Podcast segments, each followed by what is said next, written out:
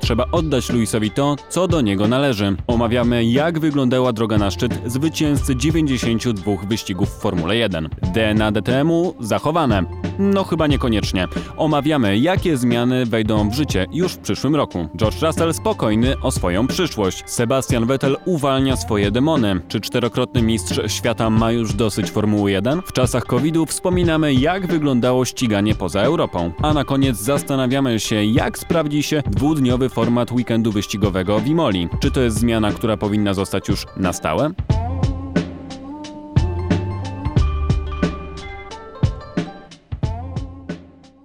Dzień dobry wszystkim po raz kolejny Kodrive.pl. Witamy się z Wami Aldona Marciniak, Cezary Gutowski oraz Jasiek Olejniczak. Jesteśmy po Grand Prix Portugalii, które miało być e, wierzyliśmy, że będzie fantastycznym e, wyścigiem. Z początku na pewno takim e, był, później skończyło się tak jak zawsze, ale wydaje mi się, że nie możemy narzekać na to, co się wydarzyło, bo doszło w końcu do zmiany historii. Lewis Hamilton z kolejnym e, swoim e, zwycięstwem, 92 zwycięstwem, pobił wszelkie rekordy, które były w tej chwili do pobicia. No i w tej chwili tak naprawdę cała Formuła 1 i świat e, motosportu kłania się ku Lewisowi Hamiltonowi i przyznaje, że Lewis jest najlepszym kierowcą na świecie. Sebastian Vettel powtarza, że od zawsze na to zasługiwał. No i co tu można powiedzieć? Wydaje mi się, że powinniśmy trochę się skupić na Luisie przy tej okazji, bo faktycznie jest to wyczyn, którego e, wydaje mi się, że e, się nie spodziewaliśmy, chociaż to bardziej pytanie jest do Was. Czy w momencie, w którym e, był 2013 rok i Luis zaczynał projekt z Mercedesem, to spodziewaliście się, że w zasadzie tak prędko ktoś dogoni rekord Schumachera? Ja nie, przede wszystkim nie spodziewałem się, że to będzie tak trafny ruch przejście do Mercedesa, ruch, do którego namawiał Hamiltona i Bernie Ecclestone, i Niki Lauda, i Ross Brown. Wiedzieli, co się będzie działo, szczególnie w kontekście silników. E, no i też zwróćmy uwagę, że no nie wolno tego oderwać, absolutnie nie wolno odrywać tego, co osiąga Lewis Hamilton od tego, co osiąga Mercedes, tak? Czyli w, prawdopodobnie po tym weekendzie, jak nie potem, to po następnym, Mercedes po raz siódmy z rzędu zdobędzie tytuł Mistrza Świata Konstruktorów, a rekord to jest sześć i to jest też rekord Mercedesa ustanowiony. Yy, więc no też ciężko było przewidzieć, że jakiś zespół zdominuje Formułę 1 w aż tak długim okresie, żeby, żeby coś takiego mogło być możliwe. Tak, takie rzeczy Formuły 1 wcześniej się po prostu nie zdarzały.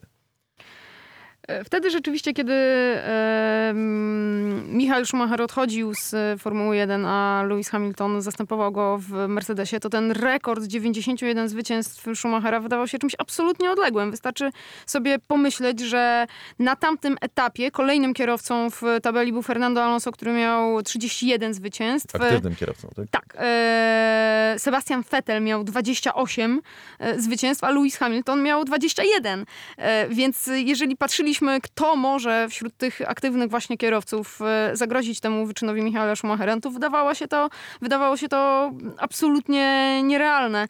Natomiast powiedziałeś, że pobił wszystkie e, rekordy. No słuchajcie, wszystkich tak, zupełnie. No to jeszcze mm. nie pobił. Parę tam zostało oczywiście e, takich mniejszych, ale na przykład e, z tych, które, mm, które mnie ciekawią, to Michael Schumacher długo jeszcze nie będzie e, doścignięty, jeśli chodzi o najszybsze okrążenia, bo ma ich 70 7, a Lewis Hamilton 52. I też fajna jest statystyka dotycząca procentu zwycięstw w sezonie. U Michaela Schumachera 72% to naprawdę wyobraźcie sobie, jaka to była dominacja. E, a u Louisa Hamiltona na razie 57 i mam nadzieję, że akurat e, tego rekordu Lewis Hamilton nie poprawi i że jednak więcej kierowców będzie nam stawać na najwyższym stopniu podium. Michael Schumacher mówił o biciu swoich rekordów e, w ten sposób. Nie uważam, że biję jakiekolwiek rekordy, tylko ustanawiam swój benchmark, jakiś poziom porównania. Czy chcemy, żeby, albo raczej jaki benchmark ustawił w takim razie Louis tym rekordem? To jest jakiś nowy odnośnik i chcielibyśmy, żeby ten rekord został jeszcze kiedyś pobity? No nie jest to nowy odnośnik, dlatego że Luis jeszcze jeździ. jeszcze parę wyścigów wygra, szczególnie jeśli podpisze kontrakt z Mercedesem. Ostatnio jakoś to tak ten i robi się z tego dziwny temat. To Wolf powiedział, że ten, że w razie czego Mercedes się wyprzeda, żeby zapłacić Luisowi. Może jakiś, wiesz, gang Olsena zatrudni do napadu na bank albo coś i będzie w stanie wypłacić się Luisowi. Tak, no w każdym razie ten rekord jeszcze będzie szedł, natomiast to też Hamilton powiedział, że on nie waży tego, że on pobił te rekordy, tylko że każdy wyznaczał ten swój benchmark, tak, ten swój punkt referencyjny i że teraz on wyznaczył y, swój. Czy chciałem, żeby ktoś go pobił? Tak, czemu nie? Tylko, że wydaje mi się, że w najbliższym czasie to nie nastąpi, no bo jeszcze raz tutaj mamy szereg różnych okoliczności e, i absolutnie nic nie mówiąc kierowcy, bo tak mamy do czynienia z kierowcą wybitnym, chociaż moim zdaniem nie najlepszym w historii, tylko jednym z najlepszych w historii, łącznie z obecnymi kilkoma kierowcami, e, no to jednak jeszcze mamy tutaj, no, no, no jeszcze raz tę całą e, historię dominacji Mercedesa, która, no, która jest niewątpliwa. Tak więc no właśnie, słuchajcie, żeby ktoś pobił e, rekord, który ustanowi i wyśrubuje Lewis Hamilton, to konieczna by była kolejna fala dominacji jednego zespołu w takiej skali, jak dominuje Mercedes, a myślę, że no, tego akurat to nie chcielibyśmy zobaczyć. Albo kierowca, który jest w stanie wybierać tak zespoły, żeby faktycznie obstawiać między różnymi ekipami, bo tutaj e, Jackie Stewart, wywołując skandal i obrażając Luisa, twierdząc, że nie uważa go za najlepszego kierowcę wszechczasów, tak, za co się Luis obraził, na Stewarta dowodził, że na, na przykład Juan Manuel Fangio, e, który jest według niego właśnie tym najwię, naj, największym kierowcą wszechczasów, no to zdobywał tytuł w wielu różnych ekipach.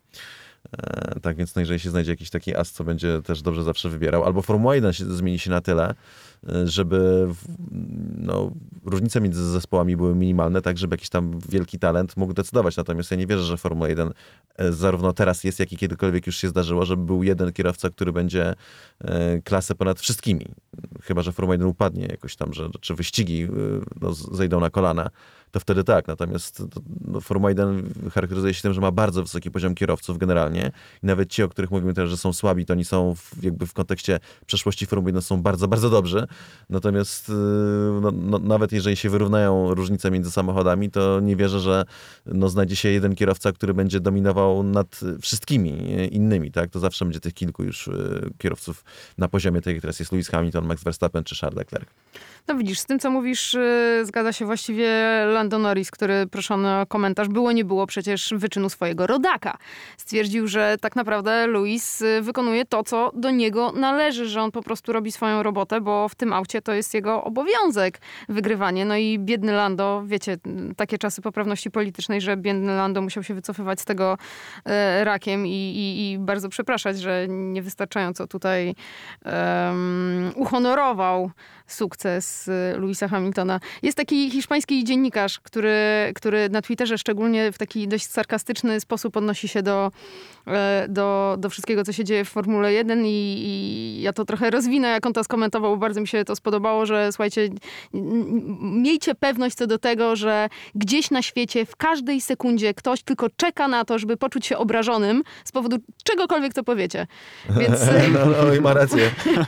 mam wrażenie, patrząc na, na ostatnie wypowiedzi kierowców, a, a, a potem e, jakieś ich samobiczowanie, e, które czasami następuje, ale czasami nie, jak pokazuje też przykład Maxa Verstappena, że no, dość mocno idziemy w kierunku za dużej poprawności. Bo Lando powiedział prawdę, już podsumowując to po prostu. No tak, Lando to jest, to jest te, te nowe szaty cesarza, tak? Czyli Lando najmłodszy w zasadzie, tak? Kierowca teraz Formuły 1, dobrze mi się wydaje? Mhm. E, powiedział, że król jest nagi. Mhm. Ale potem oczywiście musiał to Ale ma dobrą furmankę.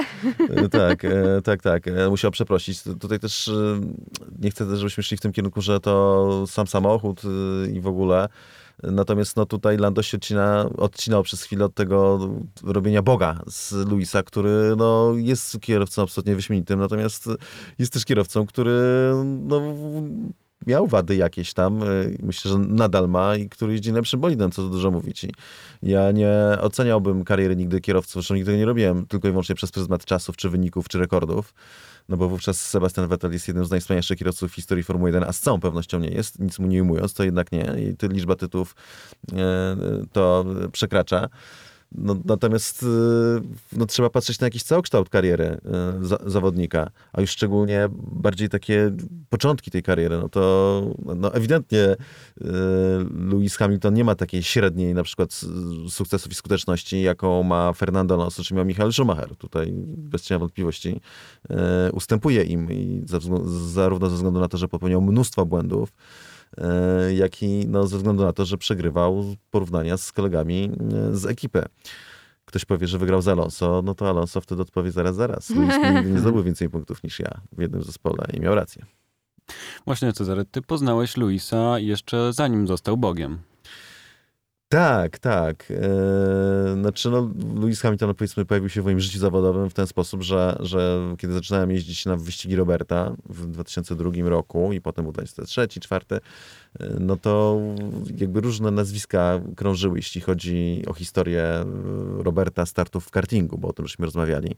I to nie z samym Robertem, tylko bardziej z ludźmi, którzy no, wokół, obok Roberta byli, czy, czy, czy, no, czy to osoby, które się opiekowały jego kwestiami, no, dajmy to interesami, tak, czy, czy organizowaniem kontaktu z mediami, jak i też e, ojciec Roberta i, i pan Artur. I Lewis Hamilton i Nico Rosberg to były dwa nazwiska, które jakby pojawiły się w mojej świadomości, zanim jeszcze ich obu zobaczyłem jako ci dwaj najwięksi rywale Roberta, bez wskazywania na to, kto był większym rywalem. Natomiast ostatecznie potem też wychodziło na to, że to Louis był tym, e, jak już się rozmawiał dalej, jak Robert coś tam napomknął, że Louis był tym takim, powiedzmy, e, no, największym, tak, czy, czy, czy tym kierowcą, który e, no, robił największe wrażenie, jeśli chodzi o ściganie w, Robercie. I potem Luisa zacząłem oglądać już osobiście w 2004 roku, jak doszedł do Formuły 3 Euro Series. No i tam jeździli w, tym samym sezonie Luis, e, Robert i Nico. Żaden z nich nie zdobył mistrzostwa. Mistrzostwo zdobył w tym sezonie Jamie Green. Jeżeli ktoś nie kojarzy, to ten człowiek teraz jeździ w DTM-ie, w Audi zresztą e, od bardzo wielu lat, bo od razu po tamtym sezonie przyszedł do DTM-u, więc jakie ma doświadczenie Jamie w tej kategorii. E, za nim było też kilku kierowców, o których prawdopodobnie większość osób nie słyszało, co też pokazuje, y, ile warte są te sukcesy w kategoriach juniorskich. E, także jest cała masa kierowców, którzy odnosili, a, a Forma 3 Euro Series to była bardzo wysoka kategoria. Cała masa kierowców, którzy odnosili wielkie sukcesy w kategoriach juniorskich, natomiast potem się okazywało, że na przykład nigdy nie stanie na podium chyba wiecie, do kogo piję w tym momencie, mhm. bo to jest taki przykład kierowcy, który właśnie miał taką juniorską karierę niesamowitą. E, Nick Heidfeld też na przykład miał taką karierę juniorską bardzo dobrą. No tak czy inaczej, mm, no pamiętam te wyścigi, pamiętam Robert był w najgorszej sytuacji z nich wszystkich, e, ale Robert i Louis byli w programie Mercedesa, Robert tylko przez rok bo pan Myke, właściciel ekipy, wmawiał Mercedesowi, że Robert i Bruno Spengler startujący w jednej ekipie z Robertem, potem mistrz DTM, że oni są słabi, że on robi wszystko, a oni są słabi. Cezary, nie splunąłeś. Zawsze, gdy mówisz Mykę, to musisz splunąć. Tak, ale nie chciałem, bo jak widać w, w kamerze, to jeszcze można skojarzyć, co robię, a, a, jak nie widać, to bałem się tak do mikrofonu, żeby ten, żeby ktoś się nie poczuł urażony. Bez, tak, zresztą wietwu na, na dźwięk tego, nazwy tego zespołu. Lubis jeździł w manorze w ekipie, którą znał bardzo dobrze, bo jeździł z nią od kilku lat i wcześniej jeździł z niej w niej w Formule Renault 2000, a Nico Rosberg, który z tej trójki zakończył najwyżej sezon, jeśli dobrze pamiętam, na czwartej, piątej pozycji, jakoś tak mm, musi, można zajrzeć, 2004 rok Formuła 3 Euro Series. Jeździł oczywiście w zespole założonym przez ojca i on nie był w programie Mercedesa, on akurat jeździł z silnikiem Opla. No w każdym razie ten Luis się tam no, przewijał po prostu jako ten super talent. Pamiętam też sytuację, kiedy e, Luis marudził, bardzo chodził, że tutaj e, Mercedes, bo on nie chciał za bardzo jechać w Macao e, w 2004 roku, a to, to był też taki moment, kiedy Mercedes, kiedy McLaren jako jeden, jeden raz w, w, w, historii rozważał rozstanie się z Luisem, tak, po, po wielu latach, kiedy go prowadził tak naprawdę do Formuły 1 to byłby niezły błąd, prawda? Jakby go wtedy porzucili i Luis tam radził, że to Macao, to nie za bardzo, to, to jakiś tam właśnie, że ten Mercedes, że ten McLaren to tak go nie za dobrze traktuje i że ma problemy, to też pamiętam, że pojawił się taki historii, oczywiście to Macao pojechał, Robert jest zjechał w nim w jednej ekipie, jeden, jedyny raz w historii i był szybszy, w sensie pokonał go w kwalifikacjach, potem na warmapie no, ustanowił rekord toru, a potem e, w pierwszym wyścigu dojechał za Luisem, w drugim Luis Niko wypadł z toru. Robert pojechał dalej, więc pamiętam z tych historii, 2005 rok jak jechał w GP2, e, no też 2005, e, nie, przepraszam, w 2006 jechał GP2. W 2005 jeszcze, przepraszam, jeszcze, jeszcze ścigał się gdzie indziej, w Formule 3 prawdopodobnie. Tak, tak, Lewis Hamilton. Mm, no i potem debiut w Formule 1, już tak wszystko no, długo można było opowiadać, jak to się rozwijało. Natomiast no, pamiętam go jeszcze w czasach, kiedy był po prostu jednym z kierowców.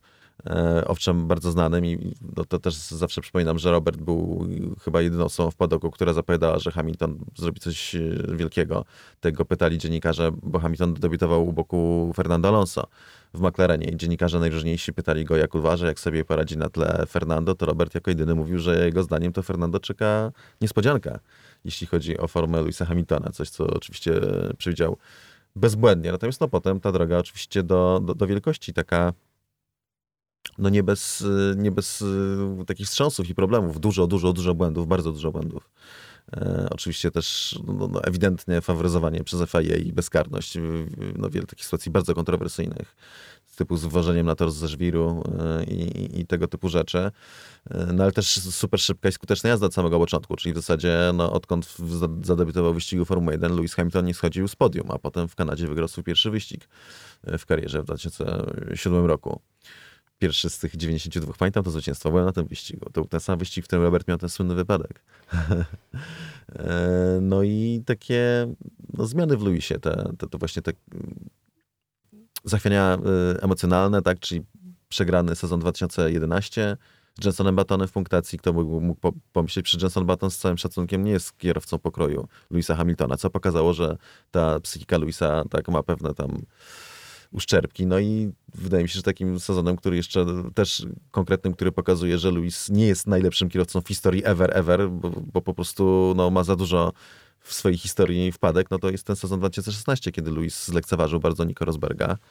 E, i przegrał przez to tytuł. Ostatnio Paddy Lowe, to mnie bardzo ucieszyło, bo powiedział, że e, coś, co ja od, od, razu podkreślałem w tych dyskusjach z wielkimi fanami Luisa, że Luis leciał na talencie, e, a Nico Rosberg pokonał go czystą pracą i zaangażowaniem. Paddy Lowe, który był wtedy w Mercedesie, powiedział, że właśnie wtedy Luis wyciągnął swoją najważniejszą lekcję, bo do tego czasu leciał trochę na talencie, a wtedy sobie zdał sprawę, że nie hmm. może wszystkiego pozostawiać szczęściu, tylko że po prostu musi, że, że to przegrana z Nico Rosbergiem go nauczyła i sprawiła, że stał się tym właśnie kierowcą kompletnym. Rozgadałem się trochę, przepraszam, ale, ale to temat rzeka. Ja się zastanawiam, jak e, e, Luis zmieniał się trochę mentalnie, bo jako kierowca tutaj wydaje mi się, że bardzo dobrze to wszystko zarysowałeś, ale Formuła 1 na swoim YouTubie opublikowała taki filmik e, ze skrótami wszystkich wyścigów, w których wygrał Lewis Hamilton. I przez pierwsze 30 wyścigów widzimy niesamowitą radość Luisa, ale no cieszy się po prostu jak dziecko z prezentu pod choinką i naprawdę polecam wszystkim to włączyć, bo w tej chwili nie pamiętam, kiedy ostatnio widziałem tak uradowanego kierowcę z e, powodu, że dojeżdża e, pierwszy. Nawet Pierre Gasly tak się nie cieszył po, po wygranym wyścigu na Monzie, jak Lewis Hamilton przy tych swoich pierwszych e, zwycięstwach. A teraz Lewis ma już tylko takie dziękuję, God bless you, naprawdę mhm. fantastyczny wyścig, dobra robota, robota chłopaki. I zastanawiam się, w którym momencie dla Luisa to wygrywanie stało się bardziej pracą niż faktycznym jakimś spełnianiem swojej pasji, bo czytamy o spełnianiu marzeń, o porównywaniu do Michaela Schumachera, o tym, e, ile zrobił i jak bardzo się z tego cieszy. Ale mam jakieś takie poczucie, że Luis to wykonuje, bo po prostu e, to nawet nie tyle, co lubi, co jest przyzwyczajony do tego, że ta praca mu wychodzi i że dobrze mu w tej pracy, bo wszyscy klaszczą i, i w gruncie rzeczy on ten świat e, kontroluje. Wiecie co, to mi się tutaj y, przypomniała moja niedawna rozmowa z moim y, kolegą, który jest y, psychologiem sportu i rozmawialiśmy właśnie o zwycięstwach, też o porażkach, ale o reakcji na, na, na jedno i drugie. I on powiedział coś, co mi bardzo pasuje do Luisa, że jakby masz dwa sposoby reagowania na, na zwycięstwo. Z jednej strony to może być duma i to jest coś, co, co cię bardzo, bardzo napędza, daje ci taką ogromną radość, satysfakcję. To jest to, co ty mówisz o, o Luisie z, z, z pierwszych wygranych. Natomiast drugi typ reakcji to jest, to, to nie jest szczęście, to jest poczucie ulgi. To jest poczucie ulgi, że wykonałeś coś, co, czego wszyscy od ciebie oczekiwali, natomiast tak naprawdę to się, to jest taki schemat, który się nigdy nie kończy. To znaczy, ty cały czas musisz udowodnić, cały czas musisz, e, okej, wygrałeś raz, ale następnym razem musisz udowodnić, że to nie był przypadek, że to nie było szczęście, że cały czas na to zasługujesz. I wydaje mi się, że Luis, odkąd e, jest w Mercedesie, który to Mercedes jest w takiej dominującej mm, pozycji, jest właśnie w takiej sytuacji, że on, tak jak mówi Lando Norris, on ciągle musi po prostu wykonywać swoją pracę. On, on musi wykonywać to, co do niego należy, ponieważ w tym aucie e, no, nikt mu nie wybaczy jakichkolwiek e, błędów i pomyłek. Nie ma prawa, biorąc pod uwagę tym, czym dysponuje, przegrywać. Ojej. Jeśli chodzi o też takie kwestie powiedzmy pozasportowe, charakterologiczne, no to no Luis z jednej strony mówi dużo pięknych rzeczy i dużo fajnych rzeczy. E, faktycznie, jeśli chodzi o takie kwestie motywacyjne, czy spojrzenie na życie, e, czy czerpanie radości z rzeczy, które się robi, to są naprawdę bardzo fajne rzeczy. Z, z drugiej strony, no też zasłynął nieraz z tego, że, że jakby mija się z prawdą, czy zaprzecza sam sobie i takich przykładów jest naprawdę bardzo dużo. E, więc ktoś kiedyś taka opinia mi przygnęła, już nie pamiętam kto to był, jakiś e, jeden z kierowców wyścigowych powiedział, nie oczywiście nieaktywnych, że Lewis Hamilton sprawia wrażenie człowieka, który ciągle coś udaje, który ma jakiś rodzaj hmm. pozy. E, I to znaczy, mu tego nie oceniam go za to i mu tego nie zarzucam, broń Boże, bo jest jaki jest, bo tak został ukształtowany i ma tego pełne prawo i ostatecznie nie, to jest po prostu wybitny kierowca i tyle i może sobie być jakim się podoba. Natomiast faktycznie jest w jego wypowiedziach z jednej strony dużo takiej bardzo naturalnej i szczerej, takiej szlachetności dobroci, z drugiej strony jednak jest też taki element mitomanii, tak, i jakby podbijania jeszcze bardziej mitu swojej, swojej legendy generalnie, czyli e, jemu nie wystarczy, że w świetnym stylu wygrał Grand Prix Wielkiej Brytanii, które to było 27 czy 8 takiej bardzo, bardzo deszczowej. On jeszcze musiał e, powiedzieć, że miał suche ustawienia, z czym skłamał, e, bo to po pierwsze było widać, a po drugie po wielu latach po prostu sam się wygadał. Pozwól mówić kłamcy, to się wypowie. Pytany, dlaczego w kwalifikacjach, się działo w kwalifikacjach, powiedział, że miał ustawienia pod wyścig, czyli pod mokry wyścig, przyznał. Zapomniał już, że ten, że, że wcześniej na konferencji, ja pamiętam tę konferencję, konferencję go spytali, ale miałeś ustawienie na suchy? On tak, chwilę zawahania? Tak, tak, na suchy miał ustawienia.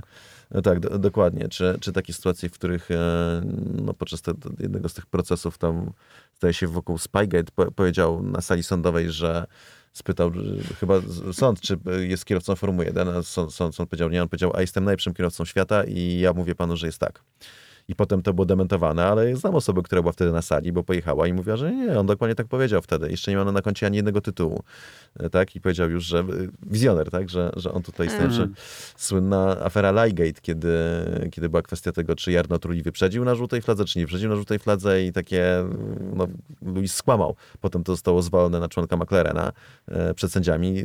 Trulli dostał karę, potem tę karę trzeba było cofać. No to było właśnie po takim, no ale to ja nie chcę tutaj teraz wyrzucać i mówić, że ten Luis Louis to jest zły, bo on ma takie epizody. Chcę tylko jakby go odcedzić od tego, od tej wizji, od tej legendy i pokazać jako człowieka prawdziwego, no, mistrza świata, yy, siedmiokrotnego, jednego z najwybitniejszych kierowców yy, Formuły 1 z krwi i kości, a nie ten mit, który jest tutaj yy, propagowany przez, przez szczególnie naszych brytyjskich yy, przyjaciół.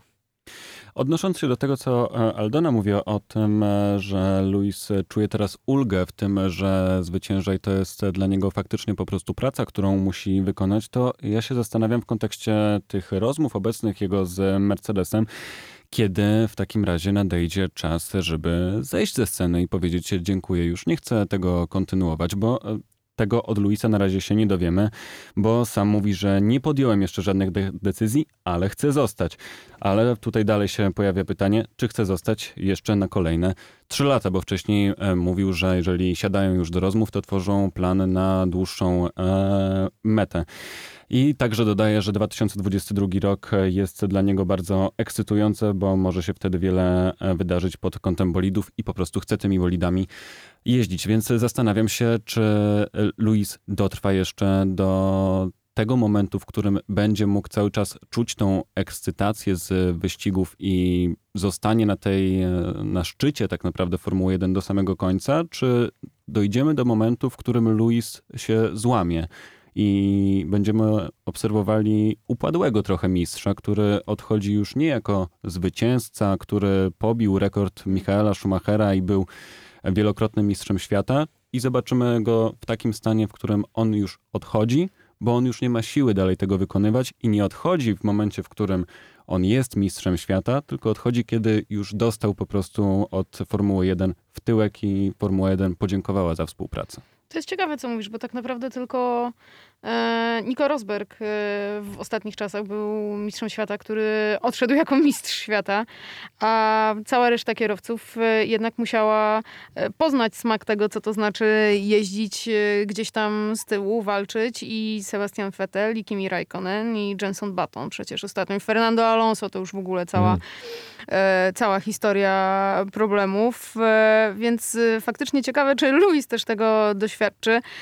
Ja myślę, że nie. Myślę, że jednak mimo wszystko, mimo tego, jak wielkie nadzieje wiążemy z nową, nową Formułą 1, z nowymi przepisami, to jednak cały czas Mercedes jest tym zespołem, który jest najlepiej wyposażony, żeby sobie z tym poradzić. Niemniej jednak jest to, jest to ciekawe, e, ale też e, wątpię, żeby Luis sam chciał do tego dopuścić. Myślę, że właśnie też długość jego kontraktu, e, oprócz wysokości zarobków, jest czymś, o czym teraz mocno rozmawia z Mercedesem i dlaczego nam się to wszystko przedłuża i ta sytuacja na rynku transferowym jest taka niby pewna i niby przesądzona, no ale jednak nie przyklepana. No, Luis sam rzucił pytanie w, w, powietrze, tak? Czy ja będę chciał jeździć przez kolejne trzy lata? Zwróćmy uwagę, mówiłem o zaprzeczeniu samemu sobie jakieś kilka tygodni temu mówił, że z całą pewnością widzi siebie w Formule 1 jeszcze przez 3 lata. Teraz nagle rzuca w powietrze to, czy ja na pewno będę chciał być w Formule 1 przez 3 lata. To jest znowu ta typowa dla Luisa e, chwiejność.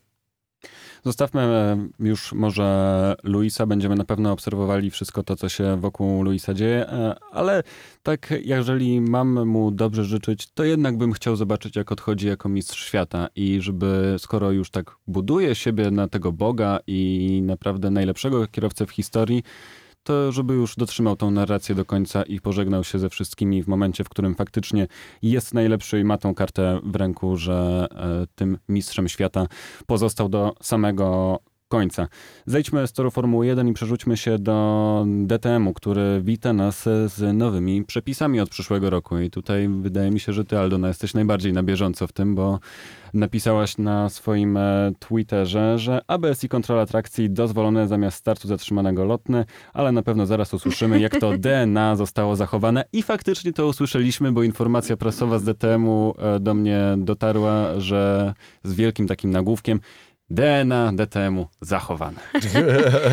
To tak, to jest, to, jest straszne, że, że oni muszą e, iść w tego typu narracje. Muszą, ponieważ e, no, tu się wszystko rozbija o wizerunek, czyli oni cały czas chcą, chcą przekonać nas, że to nie jest porażka, to nie jest upadek, to nie jest koniec, że to jest kontynuacja, a że tak naprawdę jak się przyjrzeć pod lubką, to, to, to wspólnego będzie to, że cały czas jest e, samochód i on ma cztery koła i będzie kierowca.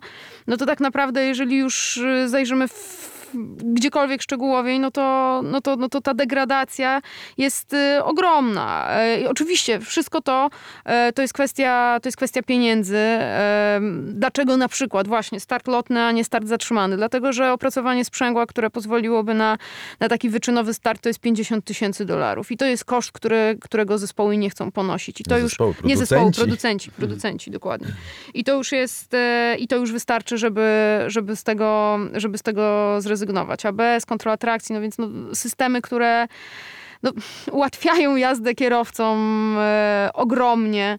E, do tego Gerhard Berger przekonuje, że, że, że, że rozmawia z producentami, że producenci są zainteresowani serią, ale tak naprawdę pytany o konkrety już tutaj nie ma nam zbyt wiele do powiedzenia. Przychodzi, dochodzi do tego program, problem z e, homologacją e, BMW. Nie wiadomo, nie zdążą na początek sezonu, może zdążą na wrzesień, może wystartują z, ze starą M6, e, a potem będą, będą, będą zmieniać auta. Jest tu mnóstwo, mnóstwo niewiadomych, które są bardzo ładnie opakowane po to, żeby, e, żeby przekonać nas, że to nie jest koniec, tylko że, Cezary, że to jest y, kontynuacja, czy to nowa era?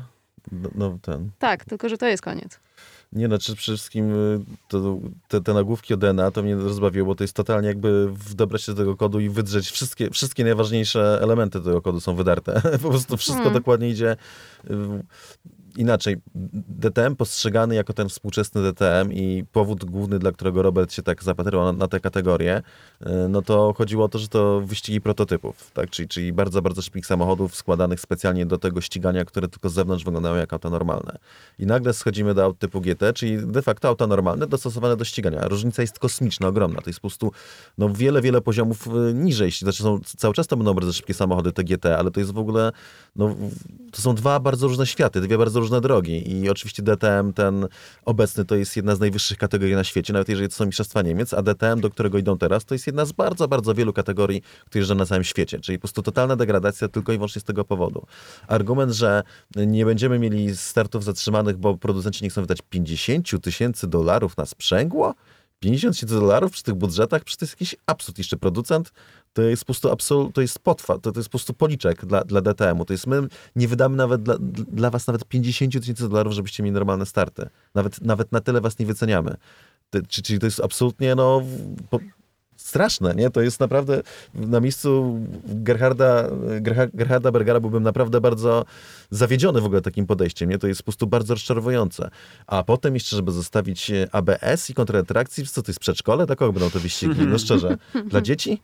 No przecież to jest jakiś absurd w ogóle, gdzie z kategorii, która teraz jeździ e, do tego, co oni oferują i mówić, że DNA jest zachowane i że to w ogóle kontynuacja. To jest jakiś absurd, nie? To zaprzeczenie, ale to jest typowy właśnie taki pierwyścigowy. Natomiast trzeba dodać jeszcze, bo ja nie chcę tutaj, broń Boże, krytykować organizatorów. Ja im bardzo współczuję. To jest dla nich po prostu walka o przetrwanie, żeby było cokolwiek, żeby ta nazwa przetrwała.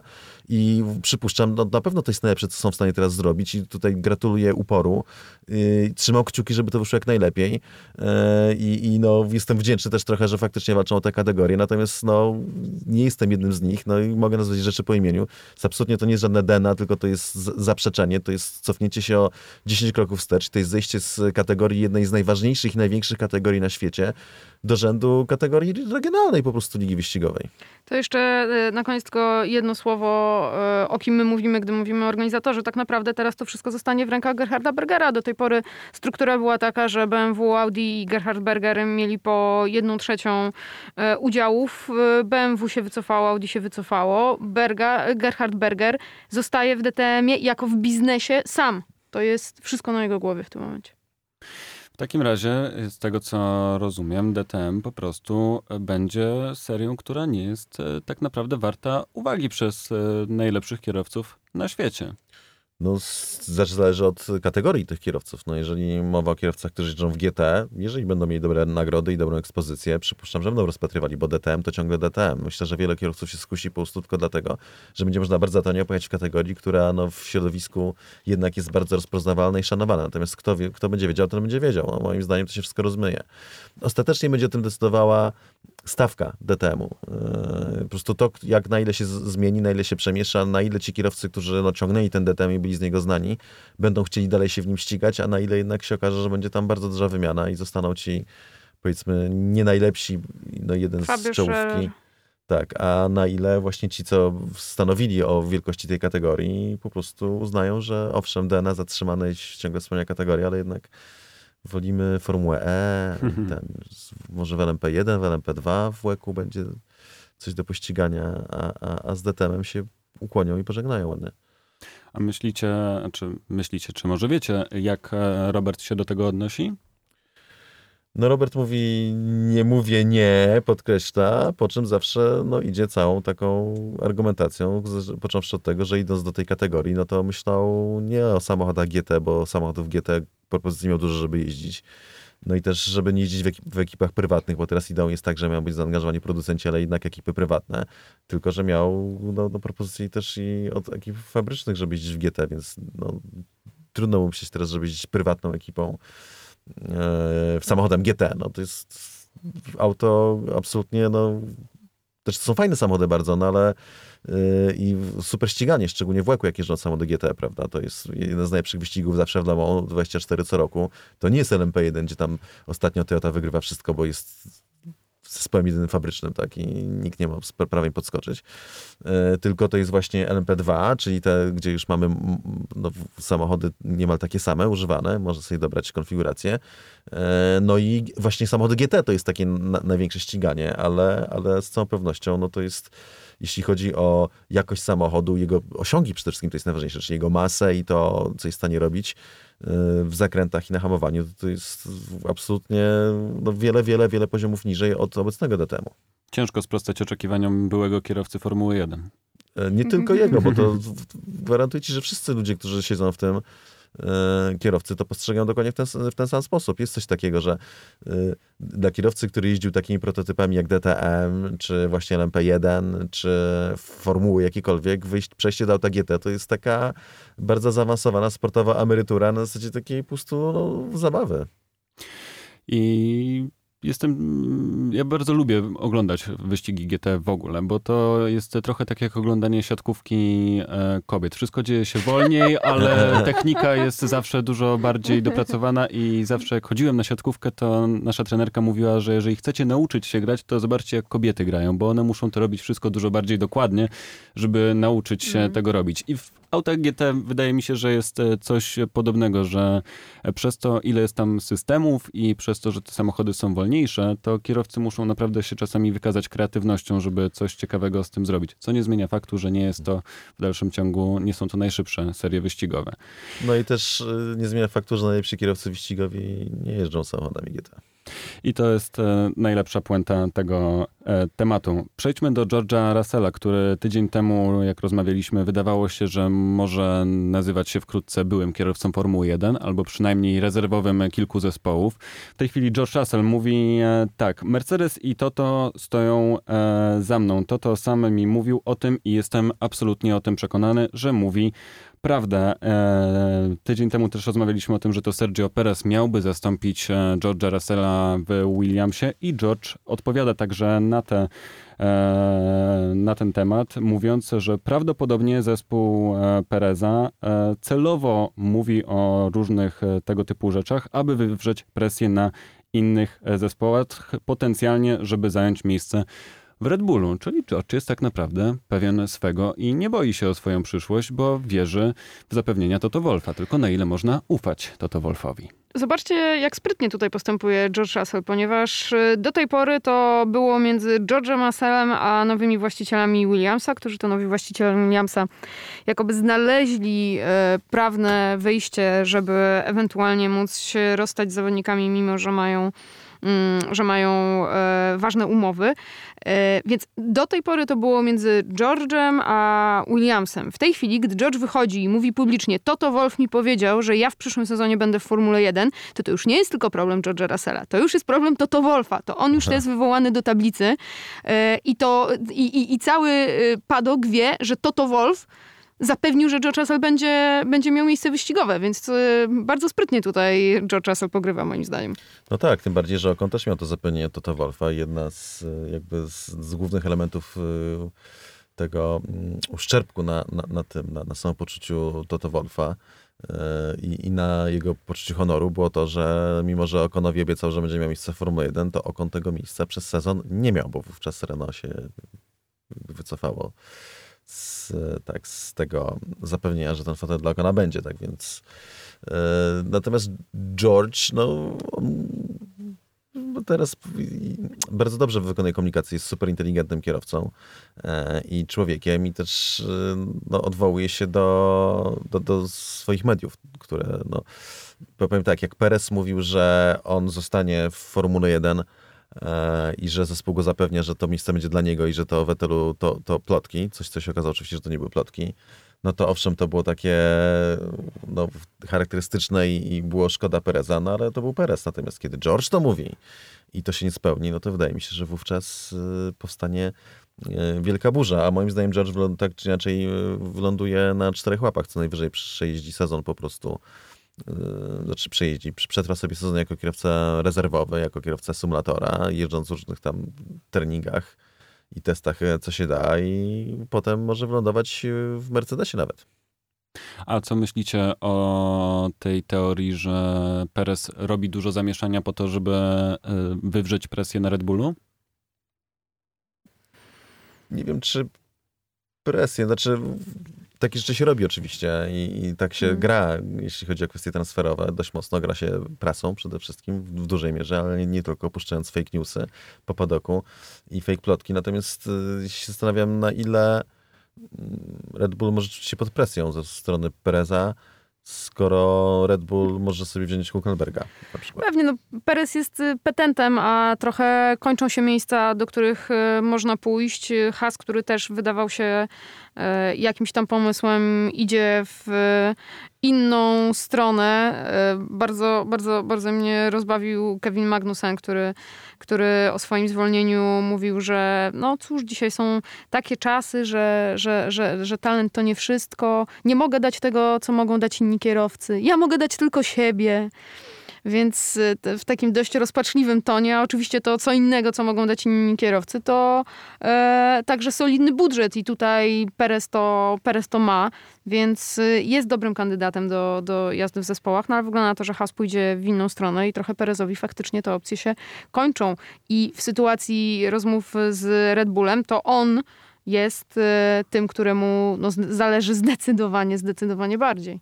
Jeśli chodzi o te kwestie budżetowe, to ja szczerze od dawna słyszałem wieści, dość takie, bo, bo to mało kto akurat też rzeczy wie, ale z dość mocnego źródła, że Magnussen też tam przyczynia się trochę do budżetu Hasa, tylko w Jednak. znacznie mniejszym stopniu, tak, że to są tam jakieś sponsorskie, tak, bo wielokrotnie powtarzał, że nie, znaczy nie chcę mu zadawać kłamów w tym momencie, Mhm. ale z moich źródeł wynika, że tak do końca nie jest, tylko to nie są Mhm. takie kwoty, jakie, jakie są tak. teraz do zgarnięcia na rynku. Natomiast to, jeśli chodzi, bo, bo do Hasa tak ogłoszono oficjalnie już, że, że e, Romeo i Kevin odejdzie, pojawiły się takie głosy, ale szybko jakby przycichły, że tutaj, że zamiast talentu, pieniądze i, i tak dalej, no sam Ginter Steiner powiedział, że pieniądze i talent to są te rzeczy, które szukali w te, szukają w tej kolejności. Potem zaznaczał, że oczywiście talent musi być, że talent jest pierwszy.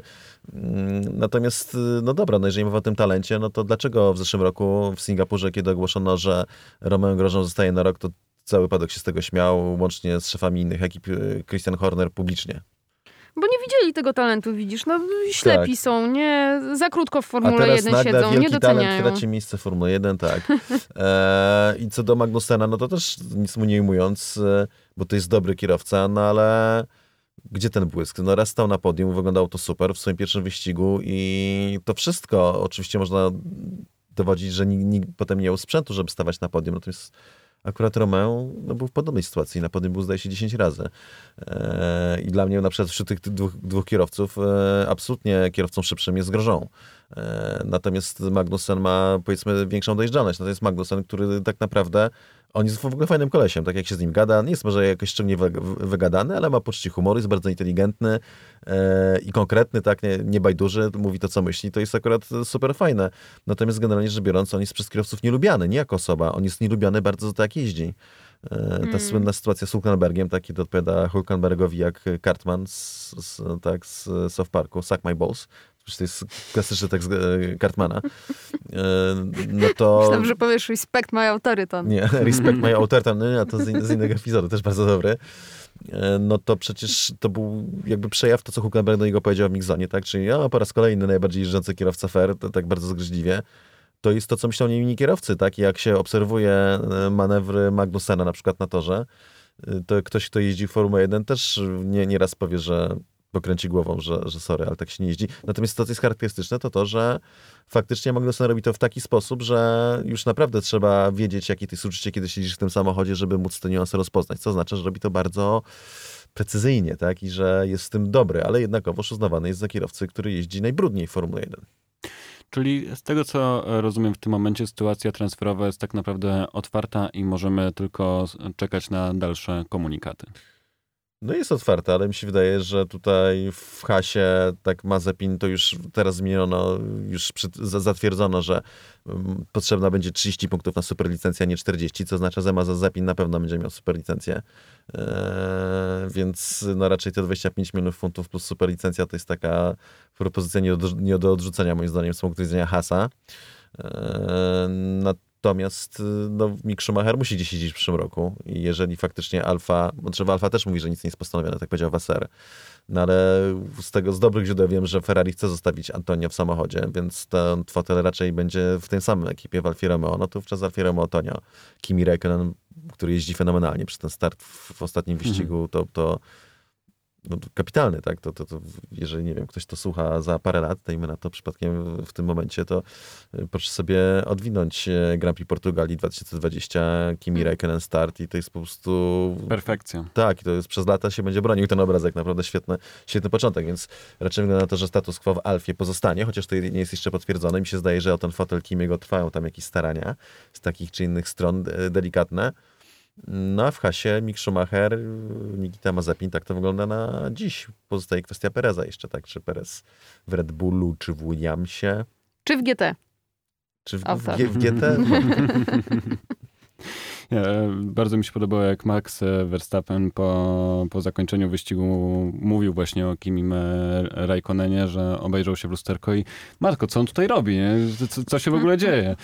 I, a sam Kimi mówił, że się zastanawiał z drugiej strony, co oni wszyscy robią i naprawdę niesamowity start, ale niesamowite jest także to, co dzieje się w głowie Sebastiana e, Vettela, bo w ciągu kilku ostatnich dni mam wrażenie, że jego narracja się kilkukrotnie e, zmieniła. To już dzisiaj mówiłem, ale powtórzę. Sebastian mówi e, o Luisie, że zasługuje na każde zwycięstwo, które odniósł. E, Swoją drogą zastanawiam się, czy e, również to w Kanadzie z zeszłego roku, czy też o tym zwycięstwie myśli. Pisałem z nim przed wyścigiem, żeby zdobył to 92 zwycięstwo, a on to zrobił. Sądzę, że nie da się go wystarczająco pochwalić za to wszystko. Z drugiej strony mówię o Leclercu, że ściga się z nim w zupełnie innej lidze, a później wylewa wszystkie swoje gorzkie e, żale, mówiąc, że cały rok gryzę się w język i że to oczywiste, że drugi samochód jest dużo szybszy. Gdzie gubię czas? Niektórzy idioci mogą tego nie zrozumieć, ale czy ja jestem idiotą? Wątpię. I co się dzieje z Sebastianem, słuchajcie? Mam wrażenie, że jest bardzo w takim jakimś bardzo chyba sfrustrowanym momencie swoim życia i do tej pory tylko e, gdzieś domyślaliśmy się, że Sebastianowi jest ciężko i że musi faktycznie przejść przez bardzo ciężką batalię z młodym, który jest dużo szybszy i zespół stawia teraz wszystkie karty tylko i wyłącznie na niego, ale teraz no... Ciężko nawet skomentować te słowa, bo ty, Cezary, przed nagraniem powiedziałeś wręcz, że zaczynasz przestawać lubić Sebastiana. Teraz do niego szacunek, dlatego że znaczy jakim kierowcą był, to wiedziałem od dawna bardzo, jeszcze zanim się pojawił w Formule 1 de facto. E, Zaskoczył mnie czterema tytułami mistrza świata, no ale teraz widać w jaki sposób, tak, bo to, to, to, to jak teraz jeździ, to pokazuje, on zawsze, zawsze był takim kierowcą, tylko znalazł się na innej e, pozycji. Tak, przestaje go lubić, dlatego że e, no, z całą pewnością zespół kładzie wszystko na Leclerca teraz, natomiast e, z całą pewnością też zespołowi zależy na tym, żeby Vettel zdobył jak najwięcej punktów, bo po prostu Ferrari walczy o punkty, walczy o udział w zyskach. To, to inaczej być nie może, więc to jest kluczowe, żeby Vettel nie jest tak jak Williamsie, że i tak nie miał szansy na punkty. Plus już w ogóle Williamsa to nie porównało do Ferrari mimo wszystko, bo to, to co się działo w zeszłym roku, no to absolutna degrengolada, tak, zupełnie nie pasuje do, do Formuły 1. Tak więc e, e, owszem, Ferrari stawia na Leclerca, no ale stawia na kierowcę, który jest od niego po prostu o wiele lepszy i to pokazał w zeszłym roku, e, kiedy jeszcze miał mniej doświadczenia. Teraz, kiedy ma więcej doświadczenia, no przy to, co wypowiada Leclerc na torze, to, to się w głowie nie mieści. On naprawdę jeździ fenomenalnie i teraz jest no, absolutnie topowym kierowcą na poziomie Maxa Verstappena i Louisa Hamiltona na, na tym etapie. E, A Vettel nie jest, nigdy nie był i nigdy nie będzie. I to jest ta różnica. Natomiast jeszcze w tych zachowaniach e, jego takich, ten jego zwrot w stronę Louisa Hamiltona, że no, no wcześniej na zasadzie takiej powiedzmy kontry, tak, jednak rywalizacji. I to słynne jego wjechanie w koła Luisa w Baku, które mi się bardzo podobało, aczkolwiek y, ono oczywiście było nieodpowiedzialne i tak dalej, ale sobie pomyślałem, jakby sympatyzowałem z nim, dlatego że zrobił coś tak głupiego, co ja byłbym by- pewnie w stanie też zrobić. Też miałem takie odruchy, więc dlatego powiedzmy, że ściągnął moją sympatię, nie, że tak ze zrozumieniem pokiwałem, nie, że też potrafię coś tak głupiego. Niestety, chociaż może już teraz mi mija. E, natomiast to jego prze, jakby przejście z, z, na, na ten front Luisa i że tutaj no w zasadzie to on zaraz będzie mu buty czyścił temu Luisowi, prawda? Będzie mu za podnóżek służył tutaj pierwszy, pierwszy do klękania, pierwszy do... W, w co Luis nie powie, to, to, to Vettel, że to tak, że co Luis nie zrobi, to Luis jest najpiękniejszy, najwspanialszy, no, no taki staje się jego fanem numer jeden. Co też mi się wydaje, nie, nie wiem, czy to jest kwestia sprytu i takiego podpinania się po prostu pod tę falę nową i już uznanie, że no to jednak Luis, bo to oni przecież walczyli w pewnym momencie o piąty tytuł mistrza świata, kto z nich będzie tytułu mistrzem świata, że, że to jednak Luis, a na ile jest to takie też ocieplanie własnego wizerunku i, i mi się wydaje, że to o to chodzi, w sensie, żeby tutaj yy, no podpiąć jak, jakoś swoją legendę, pod, hypować trochę pod to właśnie takie uniżenie. Nie, może się Znaczy, wiesz co, ja się trochę z, tobą, trochę z tobą się nie zgadzam. To znaczy, rzeczywiście faktycznie y, podbijanie Luisa mo, może mieć taki, taki wydźwięk, że jeżeli on jest takim fantastycznym kierowcą, no to ja przegrałem z takim fantastycznym kierowcą, a nie z byle kim, więc to rzeczywiście już na, na jakąś tam samoocenę i na to, jak postrzegany jest sam Vettel, y, może, y, może wpływać. Natomiast ja akurat, gdy, gdy czytałam te słowa Vettela po 92 zwycięstwie Louisa Hamiltona, to nie miałam takiego wrażenia jak ty. To znaczy dla mnie to jest te, cały czas ten sam Fetel, który jest po prostu porządnym gościem, który gdy Niki Lauda był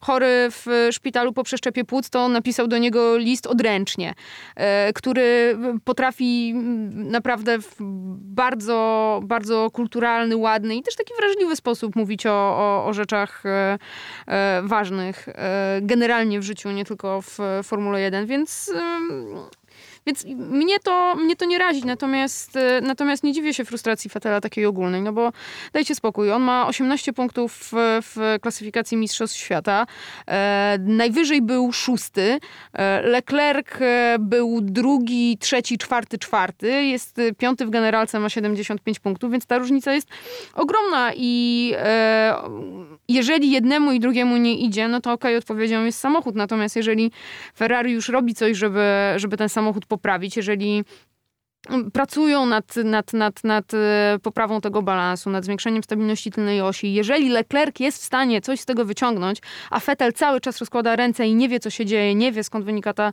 strata, strata prędkości, no to e, no, nie dziwię się, że, że, że jest frustrowany. Natomiast też nie ma się co dziwić e, zespołowi, że zamiast pomagać swojemu byłemu liderowi, któremu auto nie pasuje, to pomaga temu, e, który tym liderem jest w tej chwili i będzie w przyszłości. Tak kończąc trochę ten wątek Vettelowy, nie macie po prostu takiego wrażenia, że Vettel już ustawił się w pozycji tego biednego, który został pokrzywdzony przez Ferrari i wie, że w tym sezonie wspierają w pełni młodego i że on jest tak naprawdę już odstawiony do innego zespołu i tak naprawdę już dla niego to się za bardzo nie liczy, że czy coś musi jeszcze w tym roku zrobić, bo oczywiście on powie, że ma pracę do wykonania. Ale on jakoś o tej pracy mówi w taki sposób, jakby to była dla niego kara, że on musi ją wykonać.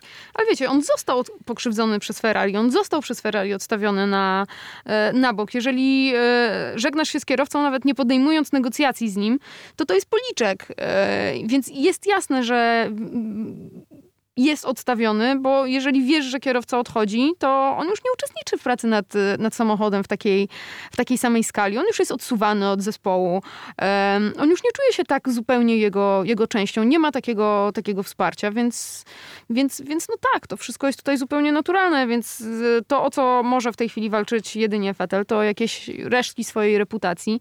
E, no ale jakby w Ferrari to ten pociąg już odjechał. No taki syndrom drugiego dziecka, prawda, że ten, że mm, no pojawiło się nowe dziecko i ewidentnie jest bardziej kochane, tak babcia, dziadek, kto nie przyjedzie, to oj, Karolek, Karolek, tutaj ten, a, a ten, a Sebastianek już biedny stoi z, z miną skwaszoną. Takie jest życie. To dochodzi jedna rzecz jeszcze, dlatego że Vettel idzie do Astona Martina i się o tym mówi, że to będzie odświeżone, wszystko, że tutaj nowe kroki i faktycznie jak to auto będzie mu pasowało, to on zrobi kroki do przodu, naprzód, plus będzie jeździł z Lansem Strollem, który nie oszukujmy się, szczególnie pokazuje to w ostatnich wyścigach, nie jest jakimś tam królem autostrady. E, natomiast e, to Aston Martin mówi teraz, czy Racing Point w tym momencie mówi to bardzo ładnie, że Vettel odżyje, że tutaj my go na rękach będziemy nosić, że ten mistrz, który nam pociągnie całą fabrykę i tak dalej, ludzi zmotywuje i wszyscy czekamy. Eee, zaczekajmy, aż e, zobaczą na stoperze, jak u nich wygląda, jak szybki jest Perez. Zaczekajmy, aż pojedzie kilka, przepraszam, Vettel, aż pojedzie kilka wyścigów e, i zobaczymy, czy aby wszystkie punkty dowiezie do mety, tak, ile razy się obróci na torze. I wtedy zobaczymy tak naprawdę, co e, Aston Martin sądzi o, o Vettelu, którego już zna jako kierowcę, a nie o czterokrotnym mistrzu świata, który przyjdzie do nas z Ferrari, bo obawiam się, że niestety to Sebastiana mogą czekać jeszcze cięższe czasy w Formule 1 i to się może wydarzyć w ciągu pierwszego pół roku sezonu 2021. Tak samo zresztą jak w ciągu pierwszego e, pół roku sezonu 2019 na tle Leclerca, no Vettel po prostu zszedł do roli, w której znajduje się teraz. Czyli po prostu zobaczymy, kto dostanie więcej cukierków w Astonie Martinie. Czy nadal hmm. będzie ukochane dziecko Lance Stroll, czy jednak Sebastian Vettel sprawi, że ten zespół będzie w stanie sięgać po przynajmniej miejsca e, na podium. Przejdźmy do czegoś trochę milszego. Aldona, mówisz, że wspomnienia na Instagramie ci przypominają, że byłaś, byliście w bardzo miłych miejscach w zeszłym roku. Tak, przypomniało mi się to a propos, a propos słów zresztą Sebastiana Fetela, o którym przed chwilą mówiliśmy, że e, Portugalia i Algarve pokazało, że są ciekawe tory w Formule 1, w Formule 1 tylko wystarczy je bardzo dobrze dobierać. No i faktycznie w tym roku zrobiła nam się Formuła 1 e, europejska, ale mam wrażenie, że trochę niesłusznie dostały te zagraniczne, te dalekie, dalekie tory, nie zagraniczne, dalekie, dalekie tory zamorskie. E, dostały po głowie wszystkie jako takie, które mają Formułę 1 dzięki układom Berniego Ecclestona jeszcze i jakimś komercyjnym powiązaniom i wszystkie płacą miliony, a tak naprawdę są strasznie nudne i nie warto tam jeździć i niech Formuła 1 będzie tylko w Europie. To też tak nie jest. E, Meksyk właśnie, w którym byliśmy dokładnie, dokładnie rok temu i teraz jestem zasypywana tymi wspomnieniami, e, jest przykładem tego, że można mieć bardzo, bardzo fajne miejsce, bardzo ciekawy tor. No, rok temu mieliśmy tam jedną wielką przygodę, co Cezary? No tak, to trzeba, trzeba powiedzieć, że jest to mm, jeden z najfajniejszych wyścigów roku. Ze względu głównie na wysokość nad poziomem morza. Plus tam mamy tą bardzo, bardzo długą prostą, która też wyróżnia tor w Meksyku. Zawsze się coś dzieje, no ale też jeśli chodzi o klimat miejsca, o Mexico City czy sam Meksyk, e, o klimat padoku, który jest e, przespaniały, to są w ogóle rzeczy, których mi bardzo brakuje w tym momencie, bo teraz akurat mam opcję, e, żeby pojechać na trzy wyścigi, to muszę się zdeklarować, że od razu trzy dwa Bahrajny i na koniec e, Abu Zabi. Mm, I tak się zastanawiam, na ile jest sens się na to porywać w momencie, kiedy rok temu byliśmy w Meksyku i było po prostu rewelacyjnie i, i zarówno w warstwie sportowej, jak i przede wszystkim w warstwie towarzysko-padokowej. Co to dużo mówić, mhm. naprawdę był fenomenalny, kiedy, kiedy tak wieczory kończyło się po ciężkiej robocie popijając e, tasty z meskalu. E, tak, i zajadając e, pyszne, świeże takosy e, serwowane w padoku, po prostu dla bywalców padoku. Mm, no, to nie jest tak, że, że, że wszystkie fajne tory świata i wyścigi są w, w Europie tylko. Raz, a dwa, mi się wydaje, że tutaj chodzi też o ten efekt nowości, czyli mm, Algarve to jest bardzo fajny tor i Mugello też, ale wiele rzeczy, z których się wydarzyło, bardzo ciekawych, wydarzyło się dlatego, tak jak i na Nürburgringu, który przecież nie jest nowy dla Formuły 1, dlatego, że Formuła 1 dawno tam nie jeździła, albo w ogóle tam nie jeździła i wydaje mi się, że bardziej to jest czynnik nie tego, że wszystkie to tory w Europie są fajne, e, a te za granicą, co jeździmy, to są do niczego, e, tylko jest kwestia tego, co było rozważane, czy aby nie lepiej jest w kalendarzu robić dużo rund wymiennych, czyli żeby nie było tak, że jedziemy z roku na rok na ten sam tor, który inżynierowie kierowcy świetnie znają, tylko właśnie mamy jakąś tam liczbę torów, które mamy w rotacji i pojawiamy się w pewnych miejscach raz na dwa, trzy czy więcej lat. Wiecie, daleko jestem jakichś wielkich sentymentów, natomiast rzeczywiście widzę i wierzę, że są okoliczności, są sytuacje i są miejsca, w których y, sport, w których tak wielki event jak wyścig Formuły 1 naprawdę robi różnicę. I w Mexico City to, to było widać, począwszy to, jak całe miasto żyje tym wyścigiem, jak wszyscy są szczęśliwi, że mogą ci pokazać swoją kulturę, podzielić się tym. Od takich drobiazgów, od tego, że e, odpalamy rano, rano Ubera i wszystkie samochody e, są zamienione symbole samochodzików na e, symbole bolidków. Więc y, przyjeżdża po ciebie bolid widek. E, przez to, że no nie wiem, na przykład trzeba było czekać na transport na torze w hotelu, trzeba było dojechać do tego hotelu i z tego hotelu były szatle, ponieważ tak bardzo stare, dbano o nasze bezpieczeństwo dziennikarzy, że nie chcieli, żebyśmy tam sami dojeżdżali, dojeżdżali na tor. Zresztą ostatnie kilometry przed torem to co kilkadziesiąt metrów policjant żeby wszyscy czuli się, czuli się bezpiecznie, a na torze była na, w tym hotelu, w którym czekaliśmy na ten, na ten transport, była na przykład e, wystawa dotycząca e, Dia de los Muertos e, mhm. i w, w, oczekiwaniu na, na, na, transport byli tam pracownicy miejscowi, którzy nam tłumaczyli wszystkie tradycje, ponieważ Grand Prix Meksyku jest właśnie w okolicach 1 listopada, wszystkie tradycje meksykańskie związane z, z, z świętem zmarłych. Co jest, tam, co jest tam szczególnego, co oznacza każdy symbol, bo ich jest bardzo, bardzo wiele tak naprawdę. I są takie ołtarze, ołtarze specjalne. No właśnie, sam, sam padok, w którym na, na wejściu, na wejściu zawsze, zawsze była ekipa muzyczno-taneczna w środku, to o czym mówił Cezary, stanowiska, w którym właśnie mm, Meksykanie promują i pokazują to, co, to, co, to, co u nich jest takiego lokalnego, swojskiego, stanowisko z takosami, do których wszyscy się ustawiali w porze, w porze lunchu, stanowisko z meskalem, który jest niesamowitym alkoholem, chyba bardzo mało znanym w ogóle, w ogóle u nas. I, I, jakby to jest moment, w którym faktycznie żyjesz miejscem, do którego przyjeżdżasz, więc no właśnie, to nie jest tak, że, że, że te dalekie tory to są tylko pieniądze, tylko komercja. Nie, dla tych ludzi to naprawdę bardzo, bardzo wiele znaczy. Dodam jeszcze, że było stanowisko z czurosami i... O tak, czurosy! Fryzjer i bro, brodziarz, Właśnie tego broda. Fryzjero brodziarza nie rozumiem za bardzo, ale może ja to dlatego, że, bo może dlatego, że ty nie masz takiego zarostu, jak wiesz, południowcy, więc nie, nie, nie wyczuwasz tej codziennej potrzeby i tego, jaki to jest element y, codziennej Fryzowania kultury. brody, no nie. Słuchajcie, wróćmy jednak do Europy, bo przed nami e, weekend wyścigowy na Imoli i to weekend, e, który będzie trwał dwa, a nie trzy dni, do których jesteśmy przyzwyczajeni i czeka nas tylko jedna sesja treningowa przed e, kwalifikacjami. I do tego odnosił się George Russell po wyścigu na Nürburgringu, gdzie spotkała nas podobna sytuacja i sam George, George mówił wtedy, że z jego strony bardzo mu się podobała ta formuła weekendu i bardzo spodobało mi się to wyzwanie, które e, przed nim zostało postawione. Więc pytanie, czy takie wyzwanie po raz kolejny będzie jakimś dużym e, challenge'em dla, dla zespołów? Czy ten Nürburgring w jakiś sposób przygotował pozostałe teamy do tego, żeby inaczej trochę podjąć tę pracę przed następnym weekendem? Takie sytuacje lubią ci, którzy są z tyłu. Po prostu, bo to jest, y, bo to jest dla nich jakaś, jakaś szansa. Niektórzy kierowcy e, jeszcze wykorzystają to, żeby siebie podbudować, bo powiedzą, o, kiedy jest trudne, są trudne okoliczności, trzeba od nowa wejść w jakiś e, nowy tor, e, startując od zera i nie można od razu wykorzystać wszelkiej przewagi swojego bolidu, to my jesteśmy wyżej. Więc co tu dużo mówić, jest w tym, jest w tym dużo PR-u, ale jest też w tym sporo sportu, ponieważ faktycznie mniej danych, mniej doświadczenia, to szansa na e, błędy ekip, na jeszcze większe tasowanie. E, więc nie dziwię się, że, że są tacy, którzy, którzy te skrócone jazdy bardzo sobie chwalą. Pamiętajmy, że na Nürburgringu to był program wymuszony, tak? Teraz jest w pełni zaplanowany. No, chodziło o to tak, że znowu mamy strzał, wyścig, wyścig, wyścig, weekend, weekend, weekend, więc chodziło o to, żeby chociaż ten jeden dzień był mniej, na to, żeby, znaczy więcej, żeby się przemieścić i jeden dzień mniej roboty. E, powiem szczerze, że akurat w kalendarzu covidowym to mi się wydaje nawet fajnym pomysłem i może, może wyjść z tego wiele ciekawych rzeczy, tym bardziej, że Imola to jest znowu tor, którego no, nikt nie zna, bo ostatni raz, który 2006 rok? Ja byłem na tym wyścigu, na Imoli zresztą, w 2006 roku. Yy...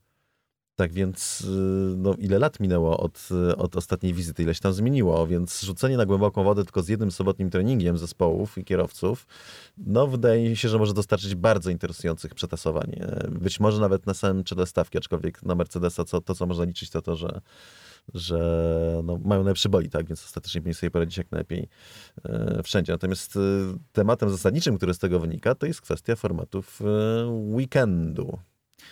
Nie wiem, co sądzicie o tym. Czy tak powinno być Formuła 1, że wszystkie weekendy są dwudniowe? Znaczy wiesz, problem polega na tym, co chcemy przez to osiągnąć, bo e, jeżeli e, to jest środek do uzyskania jeszcze bardziej upakowanego kalendarza 25 wyścigów w, e, w roku, bo powiemy sobie, że, że za to mamy krótsze, krótsze weekendy, więc więcej czasu spędzamy w domu, no to dla mnie to jest bójda. Znaczy, po pierwsze, to jest takie przesycenie już w tym momencie by było sportem. Po drugie, mm, to cały czas są weekendy weekendy. No, co, co z tego, że będziesz jeden dzień dłużej w domu w tygodniu, jeżeli masz zawalonych 25 weekendów e, w roku, nie licząc testów. E, więc, e, więc to na pewno, a, a, a przypuszczam, że Liberty chce to właśnie pod tym kątem, pod tym kątem sprawdzać. Poza tym no, mniej jazd, no to to jest jednak mniej szans na zaproszenie kibiców na torze, mniej czasu, gdy bolidy po prostu jeżdżą, gdy masz jakąś ekspozycję dla, dla sponsorów mniej pieniędzy z praw e, komercyjnych, więc to wszystko się broni owszem, tylko jeżeli wyciągniemy od kolejnych promotorów e, kasę na, na, na kolejne wyścigi, a to oznacza, że już będziemy będziemy mieli chyba dość tego, e, tego, tego, tego sportu. To będzie za dużo. Wszyscy też uważam, że to za dużo. Tutaj są zdania podzielone, bo na przykład Ginter Steiner mówił, że to ma sens tylko jeśli będzie więcej wyścigów, a Andreas Zajdel powiedział, że to absolutnie nie może być tak, że przez to będziemy mieli więcej ścigania. I akurat Zajdel moim zdaniem jest rozsądniejszym człowiekiem w tym duecie o wiele e, i bardziej utytułowanym w sporcie motorowym. E, I też uważam, że tak jak i ty, i ty Aldona, że co za dużo to niezdrowo. 25 wyścigów to już to będzie za dużo. Moim zdaniem maksimum to jest 19 wyścigów, to jest nigdy nie powinno być więcej niż 19 w sezonie.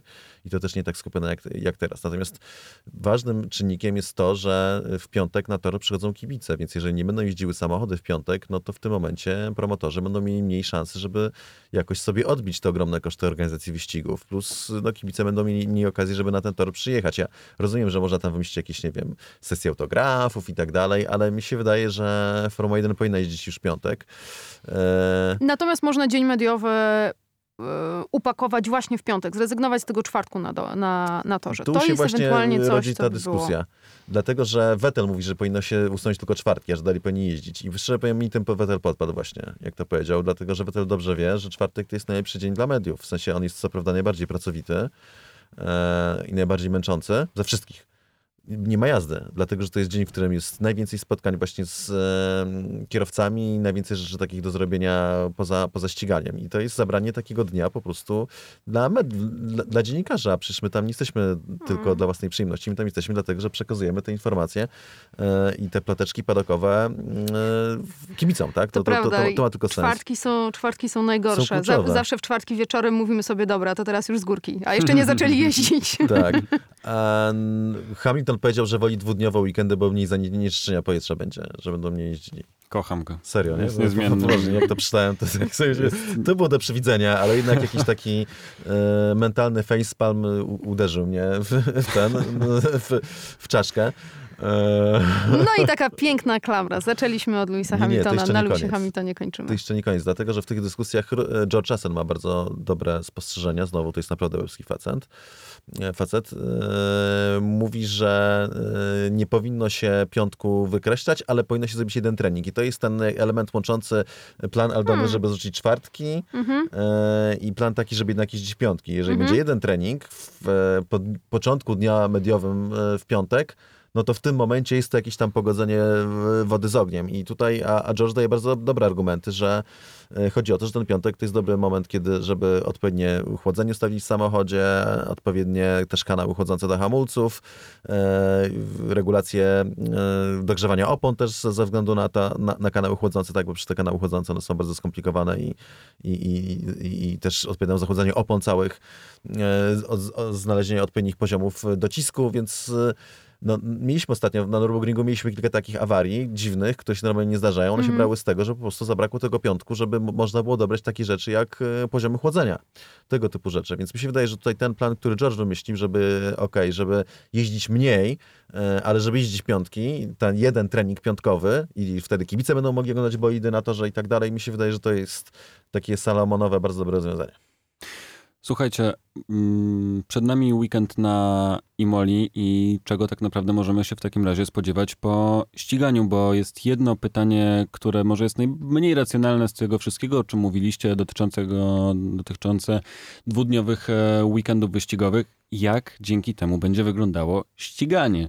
Czy to ma jakieś wpływ na to, co zobaczymy w niedzielę na torze, no bo nie oszukujmy się, my może jesteśmy trochę bardziej wkręceni w ten temat, bo bo jednak się tym zajmujemy na co dzień i nas interesuje, co się dzieje w piątek, co się dzieje w sobotę, ale jednak większość kibiców ogląda głównie wyścigi niedzielne i to jest tak naprawdę podsumowanie Formuły 1 dla wielu, którzy nie są zagorzałymi fanami, ale lubią oglądać wyścigi, więc jak na tym ucierpią albo może co na tym zyskają wyścigi niedzielne.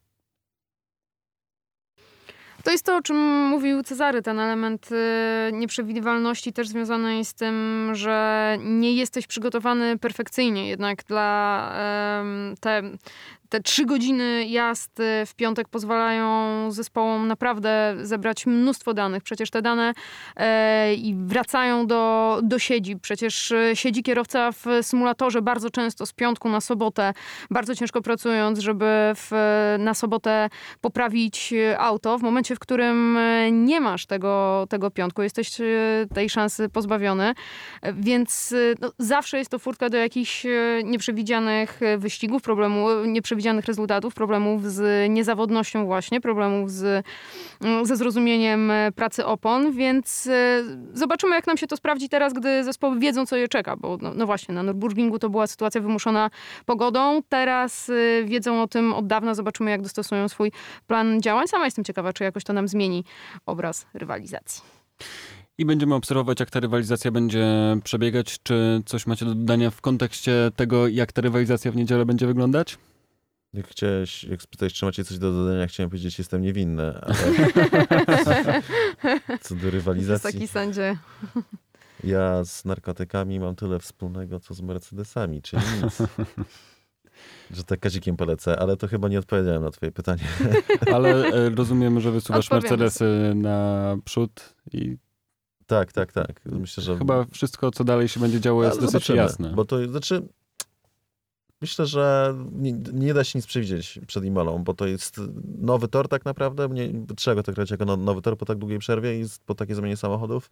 I będzie tylko jeden trening w sobotę. I to może naprawdę być game changer, jak to, e, jak to mawiają. I może naprawdę jakby spodać bardzo dziwne rezultaty. Na przykład e, punkt dla Williamsa. Mm. George na pewno już zaciera ręce i z tym niedopowiedzeniem i ciekawością przed najbliższym weekendem was zostawiamy. Dziękujemy za słuchanie Aldona Marciniak, Cezary Gutowski i Jasia Kolejniczak.